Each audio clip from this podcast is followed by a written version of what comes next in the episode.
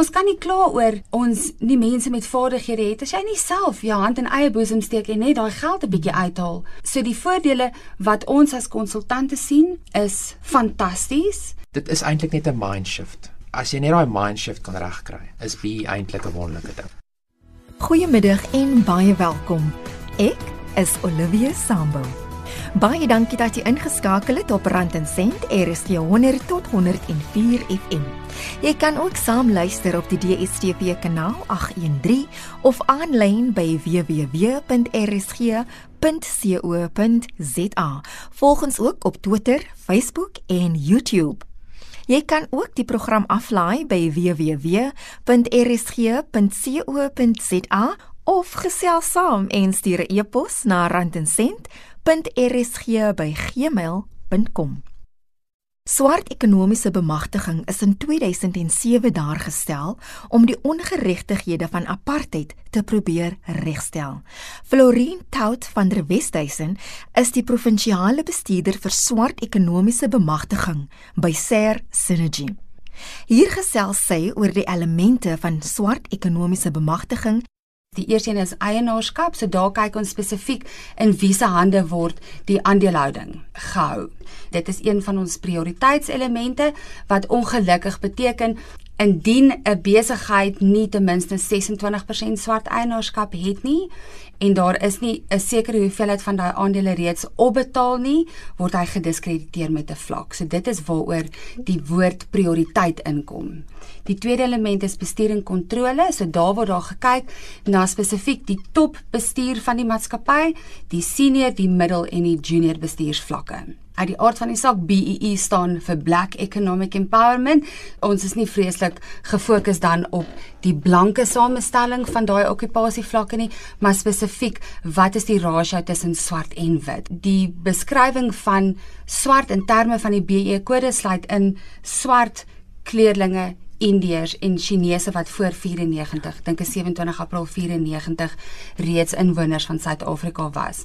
So die tweede element is dan nou 'n bestuur en kontrole wat nie 'n prioriteitselement is nie en wat ook sommer gaga 'n week of 2 voor verifikasie weet met 'n vinnige verskuiwing van okupasievlakke of personeel se bietjie verskuif kan word. Die derde element is vaardigheidsontwikkeling en dis ook 'n prioriteitselement waarvoor die geld binne die toepaslike finansiële jaar spandeer moet word.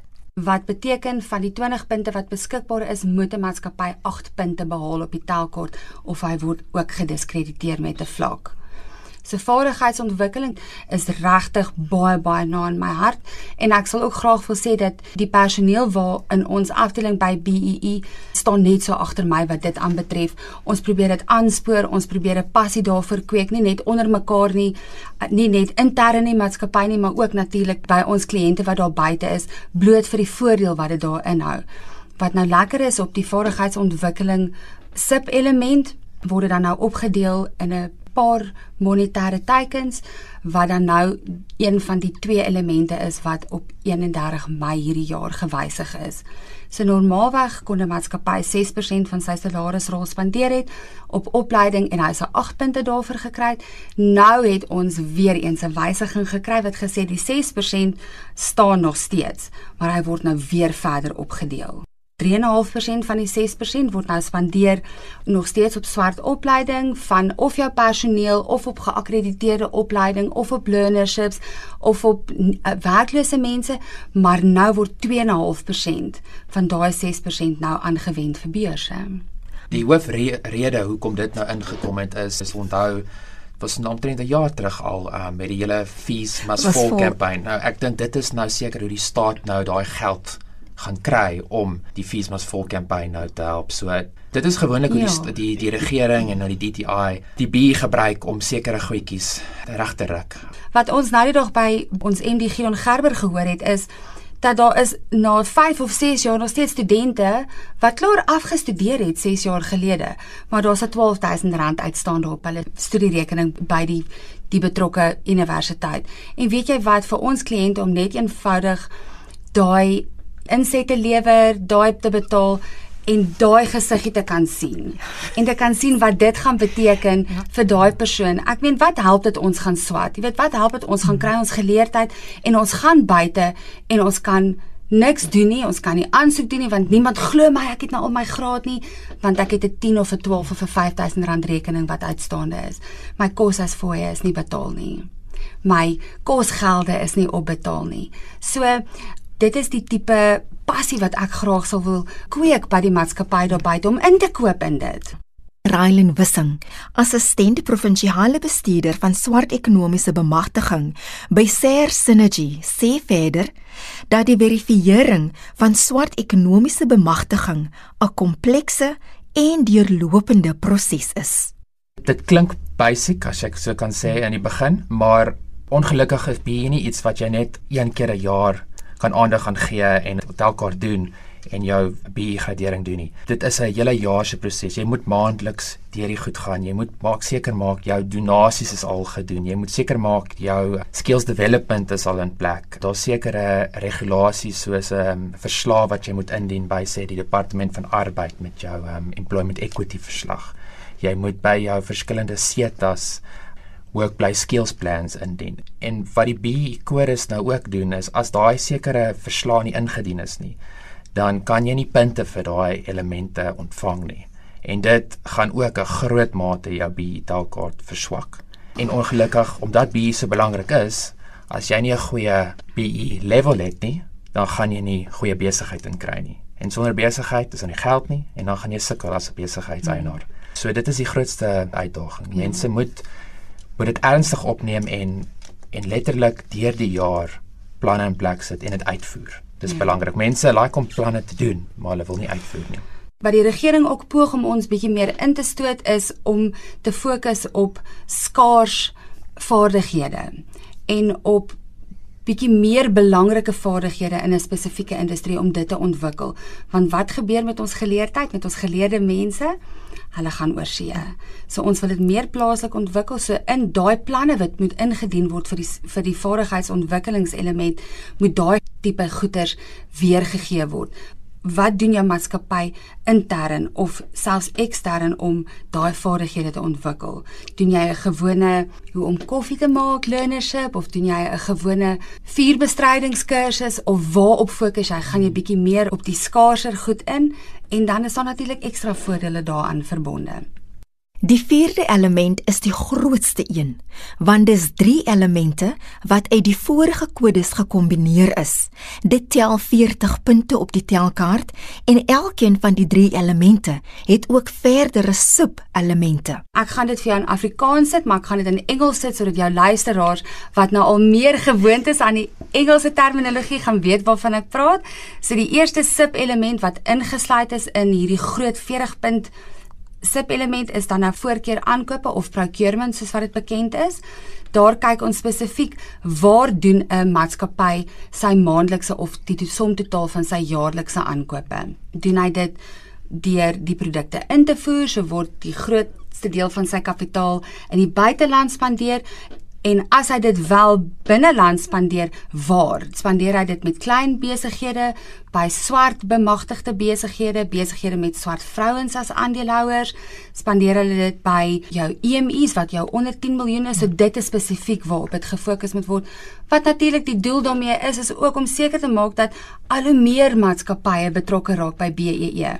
Want as jy of RSG nou gaan staan en geld spandeer op julle maandelikse koffie aankope en julle doen dit nou by maatskappy A wat nie 'n B sertifikaat het nie teenoor by B dan kan ek al daai geld wat jy spandeer het vir die jaar gebruik omdat jy dit by die regte maatskappy spandeer het wat ook belê het en ook ingekoop het in BE en met 'n geldige sertifikaat sit. So daai voorkeur aankoop of procurement soos wat ek gesê het, tel dan 25 punte van die 40 wat daar beskikbaar is. Dit was Florin Tout van der Westhuizen en Railen Wissing van Ser Synergy wat oor swart ekonomiese bemagtiging gesels het. Ek is Olivia Sambo en jy luister na Rand en Sent, RSG 100 tot 104 FM.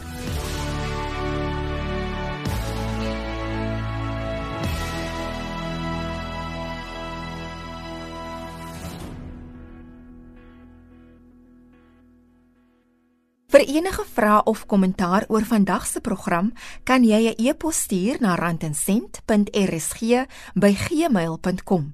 Jy kan ook inskakel op die DSTV kanaal 813 of luister aanlyn by www.rsg.co.za waar jy ook die program kan aflaai deur die potgooi skakel te volg. Daar is 5 elemente wat deel vorm van swart ekonomiese bemagtiging. En die 4de element bestaan uit 3 komponente wat gekombineer is uit die vorige kodes. Verskaffingsontwikkeling vorm ook deel van die 40-punt element. Elke maatskappy moet dan nou jaarliks 2% van sy netto wins na belasting in verskafferontwikkeling belê. Daar is 'n verskeidenheid van maniere hoe dit gedoen kan word. Jy kan of 'n donasie maak aan hierdie maatskappy solank hulle omset onder 50 miljoen is en hulle het ten minste 51% swart aandelehouding, kan jy hulle gebruik. Kyk, die hele idee natuurlik van verskafferontwikkeling/supply development is om jou kleiner besighede weet te laat groei en hulle selfhandhawend te kry en hulle tot op die punt te kry waar hulle winsgewend genoeg is om op hulle eie voete te staan. Dit was Florin Tout van der Westhuizen van Ser Synergy. Elkeen van die drie elemente het ook verdere sub-elemente. Die derde element is ondernemingsontwikkeling. Dit is amper identies aan verskaffingsontwikkeling, maar daar is een groot verskil daai maatskappy wat ook soos met verskafferontwikkelinge omset onder 50 miljoen moet hê met 'n swart eienaarskap van ten minste 51%, hy hoef nie 'n verskaffer van jou te wees nie. Jy weet van iemand wat dalk 'n vriend van jou mee besigheid doen en hy wil hom graag ondersteun en jy kan vir hom dan daai geldjie gee wat dan 1% van jou netto wins na belasting is. Waar verskafferontwikkeling moet in terme van die kodes wat gewysig is, moet 'n verskaffer van jou besigheid wees. Daar's soveel punte wat 100% gefokus is op die persentasie swart aandelehouding in 'n besigheid. Waar doen jy die aankope? Belê jy by hulle? Wat doen jy vir hulle? Hoeveel doen jy vir hulle? Die vyfde element is sosio-ekonomiese ontwikkeling baie min mense weet ook wat hulle daarvoor kan doen. Almal dink net okay, jy weet ons gee geld vir 'n nuwensgewende organisasie. Ja, dit is fantasties om dit te kan doen. Maar weet jy daar's ander maniere ook. As jy weet jy gradeer elke 3 jaar jou personeel se skootrekenaars op. Daai ou voorraad kan net so vir 'n maatskappy gegee word wat letterlik 2 maande terug die huis opgesit het en die besigheid geregistreer het en gee vir hulle daai ou voorraad. Solank dit gekwantifiseer kan word, kan ons dit eis vir punte vir sosio-ekonomiese ontwikkeling. Of gaan uit. Kom ons sê byvoorbeeld jy's 'n fisioterapie praktyk. Jy vat 'n paar fisioterapeute, jy gaan in na 'n skool toe en jy gaan doen 'n bietjie, jy weet, masserings. Daai tyd wat jy spandeer, jy het mos 'n salarisrol. Jy het mos 'n salarisstrokie aan die einde van die maand. Jy sê, "Goed, ek spandeer 10 ure per week of 10 ure per maand kwantifiseer dit ons eis dit as jou bydrae tot sosio-ekonomiese ontwikkeling. Ja, so dit is 1% netto wins na belasting wat 'n maatskappy elke jaar gaan skenk vir 5 punte op die telkaart en dit is die 5 elemente wat daar is. Swart ekonomiese bemagtiging is veel meer as net om geld na die probleem te gooi en te hoop dat jy jou deel gedoen het. Kundiges glo daar is veel meer wat groot besighede kan doen om kleiner sake ondernemings te ondersteun en te help groei. Jou verskafferontwikkeling gaan nie net oor 'n weet 'n kontuintjie wat jy neersit. Jy kan vir 'n besigheidseienaar wat nou 'n jaar terug sy besigheid begin het sê, maar weet jy wat ek weet nou al genoeg van tenderprosesse. Kom ek help jou daarmee. Weet jy wat my boekhouer het 2 dae 'n week kan ek haar vra om so 'n bietjie jou boeke vir jou te doen. Dit is nie finansiële bydraes wat hulle maak, maar indirek kan ek dit in elk geval op die telkaart eis want hy betaal nog steeds daai salaris van daai mm. boekhouer of ek sê vir jou weet jy wat ek het 'n verskriklike groot fabriek. Ek gee vir jou 'n paar vierkante meter daarvan kom bedryf jou besigheid uit daai hoek uit.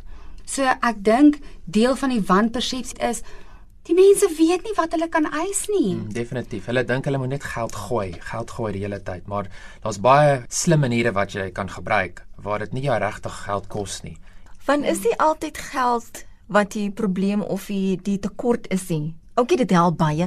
Deel jou kundigheid saam met my, net dat ek op my voete kan staan en dat ek ook 'n floreerende besigheid kan bou as 'n klein sake onderneming. Ja. Korrek. Nee, Nee, Van die meer besighede in die land Ja. gaan daar meer werk wees, werkskepping. En Presies. dit is die grootste probleem wat ons in hierdie land het. Daar's te veel mense sonder werk. En dit is hoekom ek dink jy sien op die BS uh, telkaart, die twee belangrikste elemente in my opinie ook is die vaardigheidsverwikkeling en die werkskepping. As jy meer, kom ons sê, vaardigheidsontwikkeling kan doen, gaan daar meer mense wees wat jy uit kan kies om werk te gee. Daar's 'n groot wanpersepsie daar buite. Mense dink BE is net ek moet my besigheid weggee vir 'n swart persoon.